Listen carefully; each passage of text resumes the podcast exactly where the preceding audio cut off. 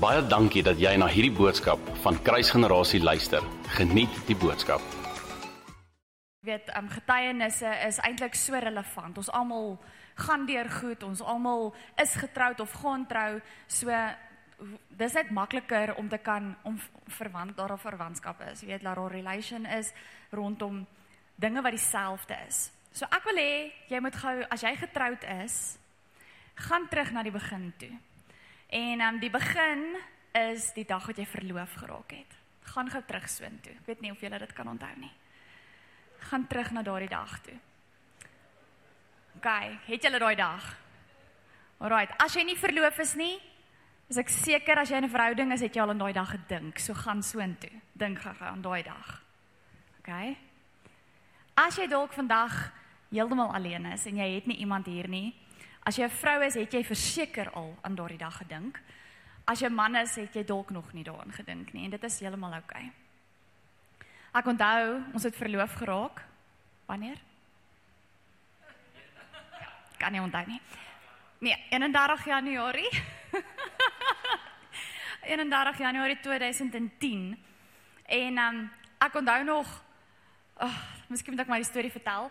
Ons die oggend, ons het in Standerton gebly en um, Jan bel my En hy het nou obviously met my maale dit gereël en alles. Ons gaan Sekunda toe. Sekunda was die inplek. Jy gaan Sekunda toe om te gaan fliek en Sekunda toe om te gaan um uit eet want in Standerton was daar net nie sulke lekker plekke nie.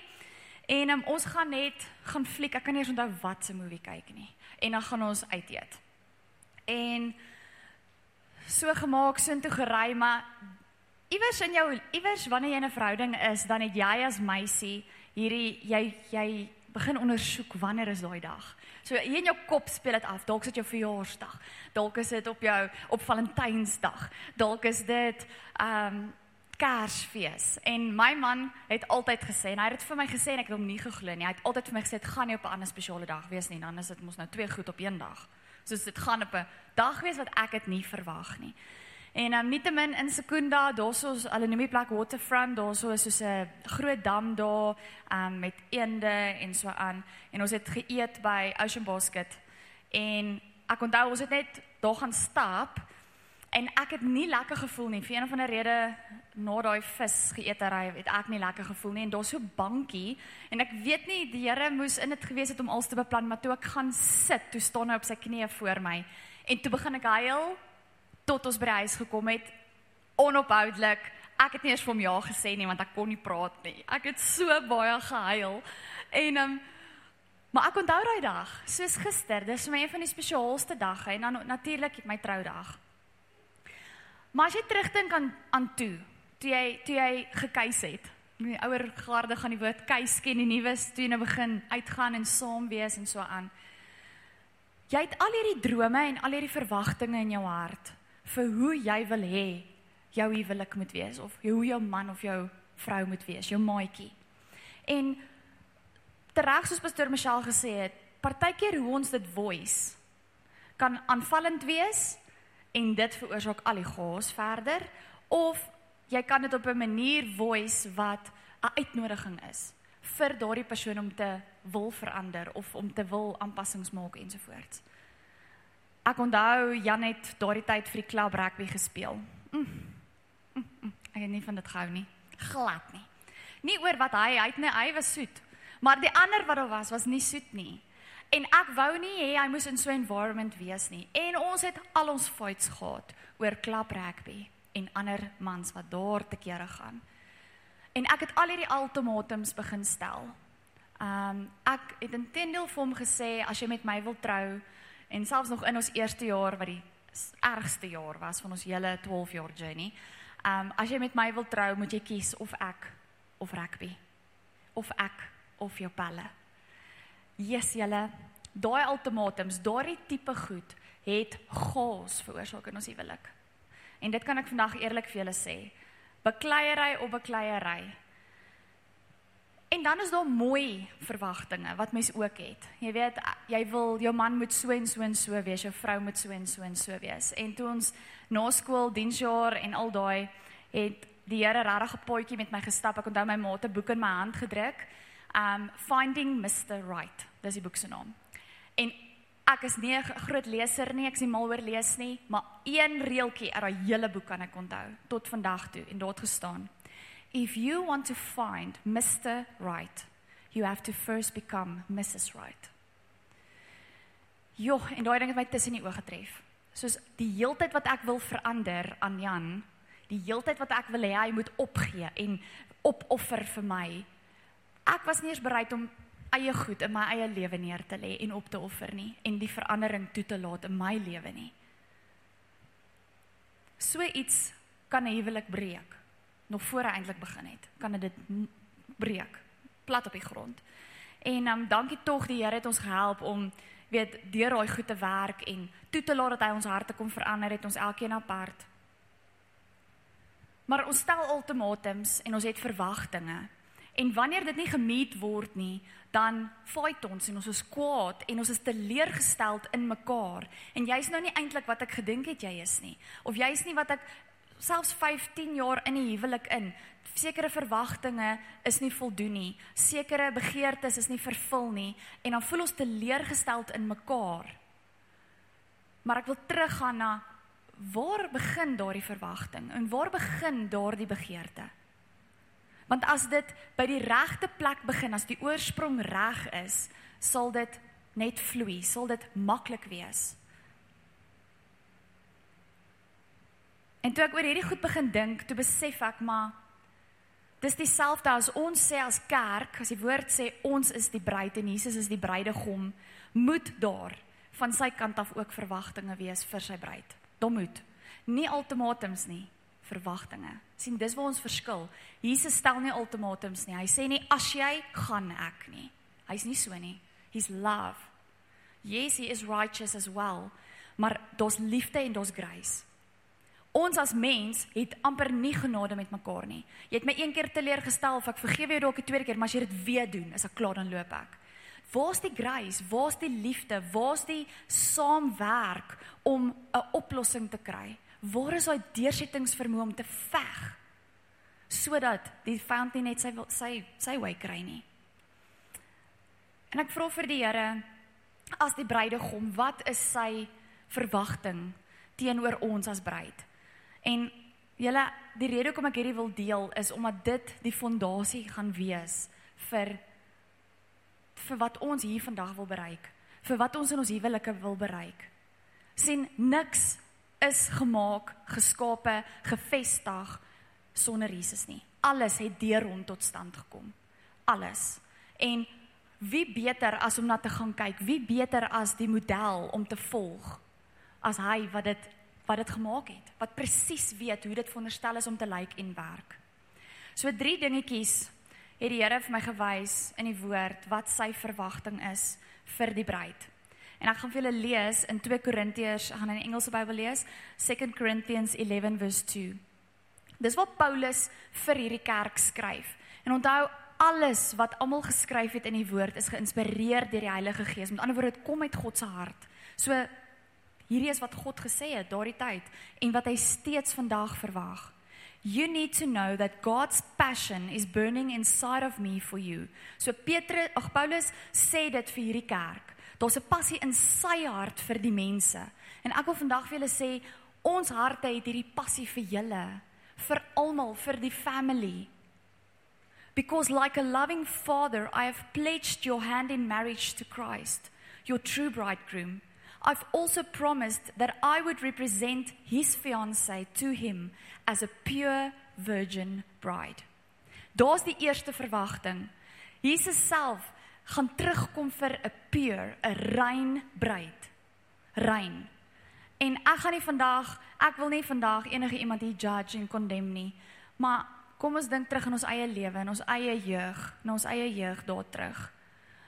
Ek wonder hoeveel van ons kan sê ek het daarom rein gebly voor ek my man of my vrou getrou het.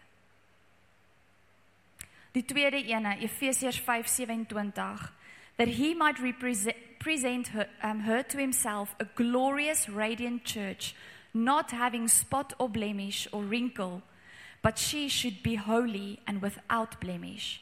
Daar's die tweede verwagting vir die bruid wat Jesus van ons verwag, to be without spot or blemish Nou vra ek vir julle vandag, is dit moontlik? Is dit in jouself moontlik om sonder enige sonde te wees? Dit is nie. Ons almal moet hier moet weet, dit is nie moontlik nie. Jy kan dit nie self regkry nie. En dis hoekom ons die Here nodig het. Dis sy genade help ons om hierdie lewe, hierdie heilige lewe na dit te streef en te leef sodat ons eendag wanneer hy ons kom haal, as die bruid voor hom kan staan, waar ons toegelaat het dat sy bloed ons kom skoon was het. En die laaste skriffie wat net weer eens sê wat sy verwagting is is in Openbaring 19 vers 7. Let us rejoice and exalt him and give him glory because the wedding celebration of the lamb has come and his bride has made herself ready. Ek kan vir al die bruide hier vandag vra. Jy het die dag jy getrou het, daai hele oggend spandeer om jouself reg te kry. Daar was iemand wat jou hare gedoen het, iemand het jou gremering gedoen. Jy het dalk 'n lang borrelbad voor die tyd gevat. Jy het roompies gesmeer, jou naels is gedoen, jou toenails was gedoen, jou beenhare was gewax. Al daai tipe goed het gebeur. Dis 'n hele preparation voor die tyd. Dieselfde met die mans. Ek onthou, maar ek wonder of ek hierdie mag vertel. Jan gaan hy wil highlights in sy hare sit vir die troue. Sy hare was bietjie langer. Nou het ek twee haarkapper vriendinne. Al twee wil ons hare verniet vir ons doen. Nou hoe kies jy? So maklik, ek gaan na die een toe, hy gaan na die ander een toe. En uh toe hy by huis kom, ek dink ek dink hy die dag voor dit gedoen, ek kan nie onthou nie. Toe lyk hy soos 'n tarantol. Spikkels. Nie streepies nie, spikkels, geel spikkels, soos 'n tarantol. En dit was ja, gelukkig die ander haarkapper wat toe my hare gedoen het, het hom in draas gered en sy hare van reg gekry. Maar daar is selfs van die man se kant af voorbereiding. En julle, dis wat vir Jesus ook belangrik is. Nou tans is die bruid ons besig om onsself voor te berei vir die dag wat hy ons kom haal, sodat ons voor hom kan staan en hierdie bruilof saam met hom kan hê. As ons nie gereed is nie, if we don't prepare ourselves, we will not get married to the bridegroom. Daar dis ongelukkig so. So dis die verwagtinge van Jesus. Ek wil weer sê, dis nie ultimatums nie. 'n Ultimatum is uit hierdie negatiewe konnotasie, maar 'n verwagting is 'n invitation. Dit moet ons excited maak. Ek wil rein voor hom staan. Ek wil radiant wees. Ek wil heilig wees. Ek wil sonder sonde gevind kan word en ek wil gereed wees vir die dag wanneer my bruidegom my kom haal. Hoe gaan ons so lyk? Hoe gaan ons by dit uitkom? Jy weet, elke man en vrou het teen teen hierdie selfde tipe ver, verwagtinge gehad voor voor ons getrou het. Um ek het 'n verwagting gehad dat my man, my verloofde, homself voor die tyd die hele tyd rein sou hou vir my. Ek het daai verwagting gehad. Want dis wat my ouers my geleer het reg is. Selfe van Jan se kant af, hy het daai verwagting gehad. En vandag soos ek nou nou gesê het, ek is nie hier om te iemand enige iemand te oordeel nie. Ons maak foute. Ons leef in 'n wêreld wat korrup is, wat ons verblind, wat veroorsaak dat ons uit druk en uit stres en uit onkunde besluite maak en dan val goed uitmekaar en ons verstaan nie hoekom nie. sien wat die wêreld vuil en lelik eintlik wil ek so sê wat God mooi beskoor het. Rein huwelik. Die die die die eerste aand. Al al daai wat mooi is en wat God bedoel het dat dit mooi wees. Hierdie wêreld vuil en lelik kom maak, besmet kom maak. Vandag te shocking, praat met jong mense. Dis oukei okay om saam te bly vir hulle. Want dit is te duur om te trou. Daar's altyd 'n verskoning hier, daar's altyd 'n rede, 'n ietsie wat my wil regverdig. En ek is oortuig daarvan dat hierdie goed God nie behaag nie. Sien wanneer ons toelaat dat die wêreld se norm ons norm word, when we become conformed to this world, kan ons nie verwag dat ons huwelike moet lyk like, soos Jesus dit beskoor het nie. Dit dis onmoontlik. As ons wêreldse dinge inlaat, kan ons nie verwag dat daar 'n goddelikheid moet heers en eers 'n blessing moet wees in ons huise nie. God werk nie so nie. God deel jou nie. God God deel nie mense nie, dis sy kinders nie. Hy deel jou nie met die wêreld en hê hom vir homself ook nie. God soek jou alles. Hy soek jou totale oorgawe, jou hele hart.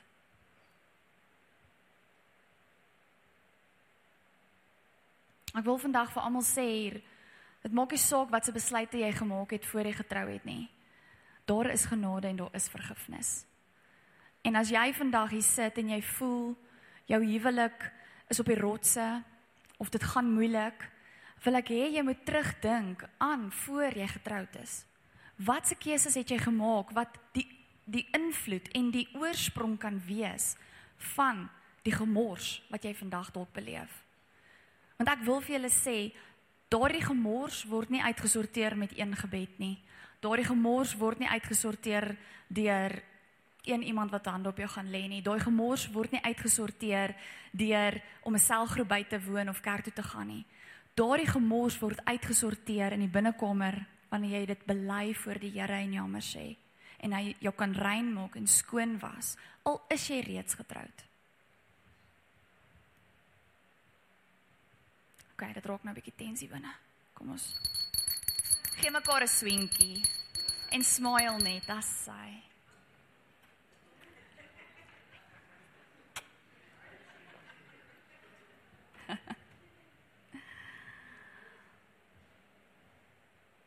Ek wil vanoggend hierdie skrif met julle deel en dis baie naby aan my hart want dis wat my pa my pa het ons getrou en um, dis dis dis wat my pa bedien het op ons troudag. Um Prediker 4 vers 9 tot 12 so bekende skrif wat wat altyd gebruik word met huwelike of met paartjies of um selfs in huweliksberading word dit dalk aangehaal of so. So ek gaan dit in die Engelse vertaling lees Ecclesiastes 4 vers 9 to 12.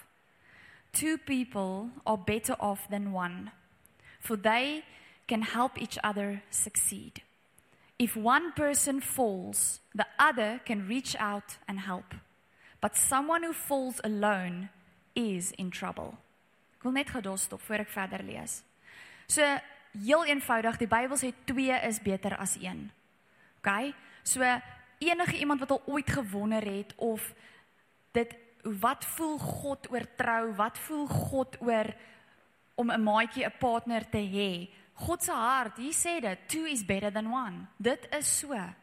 OK, God is vir troues. God is vir man en vrou huwelike. OK? Ek dink toe aan 'n voorbeeld van Eva waar sy in die tuin van Eden is. En um vir 'n oomblik is sy nie by haar maatjie nie. Vir 'n oomblik is sy nie by Adam nie en sy is by die boom van kennis van goed en kwaad en hier kom die vyand en hy versoek haar. OK? Ons het nou net gelees two is better than one for the one can reach out and help, but when someone falls alone, he is in trouble. En wat het met Eva gebeur? Sy was alleen en sy het geval in die versoeking. OK? Dan gaan die skrif aan, vers 11. Likewise, two people lying close together can keep each other warm, but how can one be warm alone?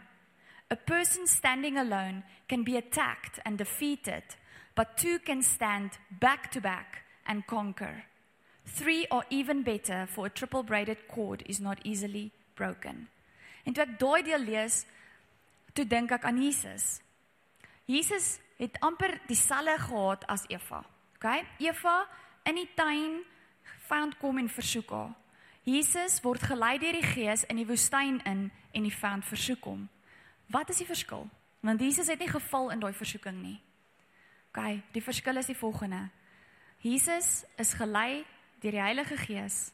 Daar's klaar 2. 2 is beter as 1. OK. Eva was alleen. OK, sy was nie by Adam nie.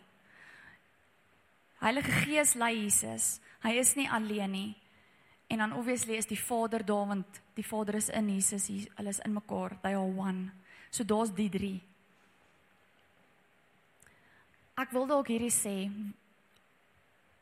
of jy nou op die regte pad is en op die verkeerde pad is of jy die Here dien of nie, versoeking gaan kom. Baie keer dink ek Christene en kinders van die Here is so geskok wanneer jy versoek word. Onthou, versoeking is nie sonde nie. Die oomblik as jy ingee in daai versoeking, sondig jy. Selfs Jesus was versoek en hy is sonder sonde. So moenie jouself veroordeel en skrik wanneer die versoeking kom nie. Die vyand gaan ons versoek want hy wil ons trip. Hy wil ons uitvang. Hy wil hê ons moet foute maak en verkeerde keuses maak. Maar as jy saam iemand is, as jy jou maatjie het en dan gaan nou ek dink julle kan al klaar agterkom wie is jou maatjie? Jou vrou is jou maatjie, jou man is jou maatjie en dan moet God daar wees. Dan is daar 3. Dan is dit amper 'n waarborg dat jy nie sal val nie. Maar as jy alleen deur 'n ding struikel, alleen in die geheim met goed besig is, you are bound to fall. Dis wat met Eva gebeur het. OK? Ons is nie hoër en beter en word anders gesien as Eva nie. Dis dieselfde. Dis dieselfde. Hoekom is 2 beter as 1? OK, ek het 'n paar redes hier neergeskryf en ek gaan sommer net vinnig deur dit hardloop. Because having the same heart and the same mind means companionship. Ek en Jan kan nie getroud wees, maar hy het sy eie drome en passies en ek het my eie en drome en passies en ons meet nooit mekaar nie. Ons kom nooit by mekaar uit nie. Wat gaan gebeur? Iewers kom ek kom ek sê so. Toe ek alleen was en nog nie getroud was nie, het ek drome en passies gehad. Toe Jan toe daai passies gehad. Maar die oomblik toe ons trou en een word, toe begin van daai drome en passies intertwine. Dit begin saam link. Dit begin ons begin saam werk na sekere goed toe. Ons kom agter ons het dieselfde belangstelling in sekere goeders. Ander goed kom jy agter is nie meer so belangrik nie en dit dit fade net. Dit dis nie meer daar nie. Partykeer leer jy om van iets te hou waarvan jou maat hou om daai kompromie aan te gaan, om deel te wees van mekaar se plesier en geluk. OK? So om dieselfde hart en dieselfde mind te hê is super belangrik. Twee is beter as een want jy is sterker om die vyand te weerstaan. Alleen moet nie vir een oomblik dink jy kan alleen die vyand weerstaan nie. Dis amper hoogmoedig om dit te sê en te dink. Dis nodig om iemand te hê. Twee is beter as een want jy's meer produktief. Die Bybel sê want jy kan mekaar warm hou. Middelburg kan nogal koud word. OK? So dis lekker om iemand te hê wat jou kan warm hou. Ek wil net by sê hierdie skrif moenie gebruik word vir ongetroudes om hulle selfregverdiging te staaf nie. OK? In in 'n huwelik lê by mekaar, hou mekaar warm. Twee is beter as een want dit bied beskerming. Dit praat hier van rug teen rug om rug teen rug te staan. Nou ek weet ons wil die hele tyd vir mekaar in die oë kyk want hy het sulke mooi oogies. Maar ek was so ek was so bewus toe ek hierdie toe die Here met my praat oor hierdie goed. Waar hy vir my vra, "Are you still staring into one another's eyes or are you back to back watching out vir wat die duiwel wil bring na jou kant toe?" So staan jy nog rug teen rug met jou vrou of met jou man? Of is daar is daar spasie? Is daar halfe verwydering? Twee is beter as een because there's greater potential to stand firm and to stay true. Julle dis belangrik om te weet dat jou maat moet jou accountability partner wees om jou waar en eg te hou, op die regte pad te hou. As jy opstandig in jou hart raak vir die feit dat jou man of jou vrou jou um moet accountable hou, kan nie eens 'n Afrikaanse woord nou dink nie. Om jou accountable te hou, aanspreeklik te hou. As as dit vir jou vrees of angstigheid bring, beteken dit daar's dalk iewers iets in die donker wat uitgesorteer moet word. Voor ek enige iemand my aanspreeklik hou op aarde, is ek ek voel wil ek hê Jan moet my aanspreeklik hou. Hy ken my beter as enige iemand. Hy hy weet my weaknesses, hy ken my sterkpunte en sy liefde wat ek weet daar is, sal in plaas van om my te expose, my my swakpunte, gaan my beskerm, gaan my omvou, gaan my toemaak. Maar baie keer in huwelike In plaas van om mekaar te beskerm, wil ons mekaar expose. Daai kindergroepies waar ons afpak by ons vriendinne oor ons mans en alles wat ons mans nie gedoen het nie. Dit is nie 'n voorbeeld van 'n goddelike vrou nie. 'n Goddelike vrou maak haar man toe al is hy verkeerd. Al het hy swakpunte. Al verstreer hy die rook uit jou uit. Jy maak hom toe, jy beskerm hom, want dis wat God van jou verwag. Ons kan nie mekaar naak los vir die res van die wêreld om net nog te kom accuse en accuse nie. Ek lees weer van vers 11 af. Likewise two people lying close together can keep each other warm, but how can one be warm alone? A person standing alone can be attacked and defeated, but two can stand back to back and conquer. Three are even better, for a triple braided cord is not easily broken. Triple braided cord, ek het sommer hierdie tou saamgebring om vir julle net soos ek hou van prentjies, ek hou van praktiese goed om te onthou. So eintlik amazing. Elke elke tou hierso is al klaar met 'n ander tou verbind en gevleg. Maar moet nou nie aan dit dink nie. So hier's 3 strands. Hier's 3 toue. OK. Jy is een tou. Jou man en jou vrou is die ander tou of jou vrou is die ander tou. Nie man en vrou nie. Jy is die een, jou man of jou vrou is die ander een en God moet die derde een wees. En wanneer dit intertwined is, ek gaan dit gou vleg.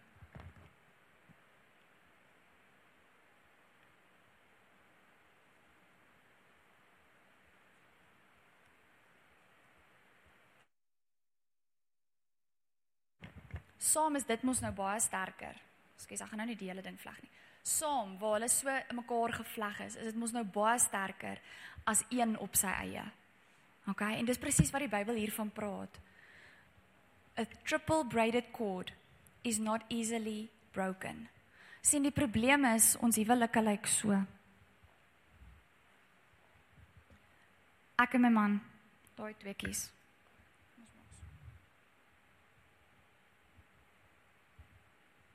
Ons huwelike lyk so. Twee wat ook nie gevleg is nie. Soos die een wil net sy wil hê en die ander een wil haar wil hê. Dit is hoe dit lyk. En ek wil amper sê in 'n mate is dit nie jou skuld nie, maar dit is jou skuld. OK, wat bedoel ek daarmee? Sien voor ons met mekaar trou, I have to be Mrs. Right in order to find Mr. Right en andersom. You have to be Mr. Right to find Mrs. Right. Hoe word jy Mr en Mrs. Right? Deur hierdie een. Deur God. Want voor Jan daar was, was dit ek en hopelik God. En toe is Jan bygesit. Maar baie huwelike is net man en vrou en God is non-existent. En ek wil vir vanmiddag vir julle sê, ek is so oortuig in my hart daarvan dis hoekom huwelike struikel want God was nooit daar nie van die begin af nie. Die goeie nuus is as God nie daar was van die begin af nie is dit nog steeds nie te laat om hom deel te maak van dit van die prentjie nie. Jy sien die, dit is die amazing ding van die Here.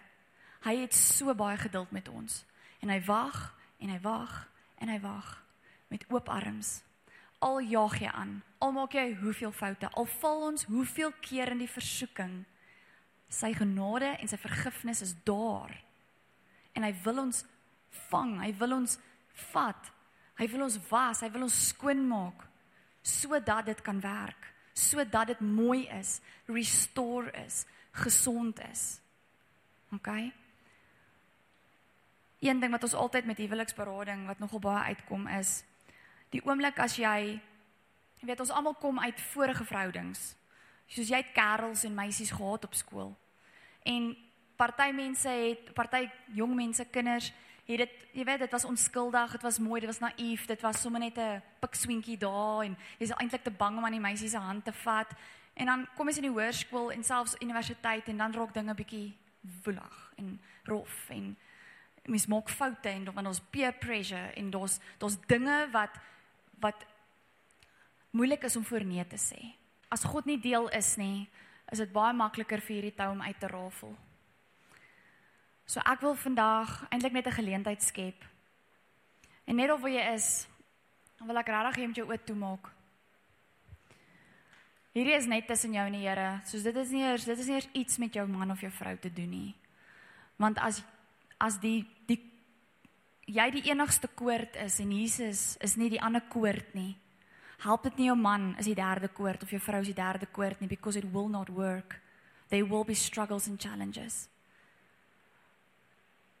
So ek wil net hierdie geleentheid skep vir middag As jy weet die Here was nie van die begin af deel van jou paadjie nie en deel van julle paadjie nie. Vra hom om nou deel te word. Dit is heel eenvoudig. Al wat jy moet sê is Here, ek wil U deel maak van my lewe, van my huwelik.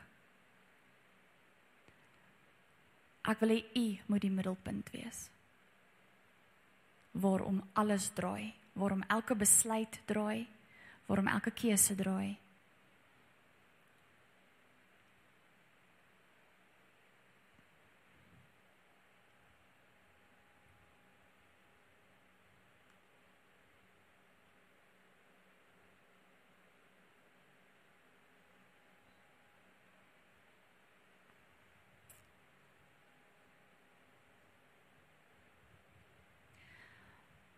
Here ons besef vandag ons is niks sonder U nie. Here die woord sê 2 is beter as 1. En daai 2, die tweede 1 was nog altyd veronderstel om U te wees voor ons maat bygekom het. En dankie dat U vandag net relationships restore.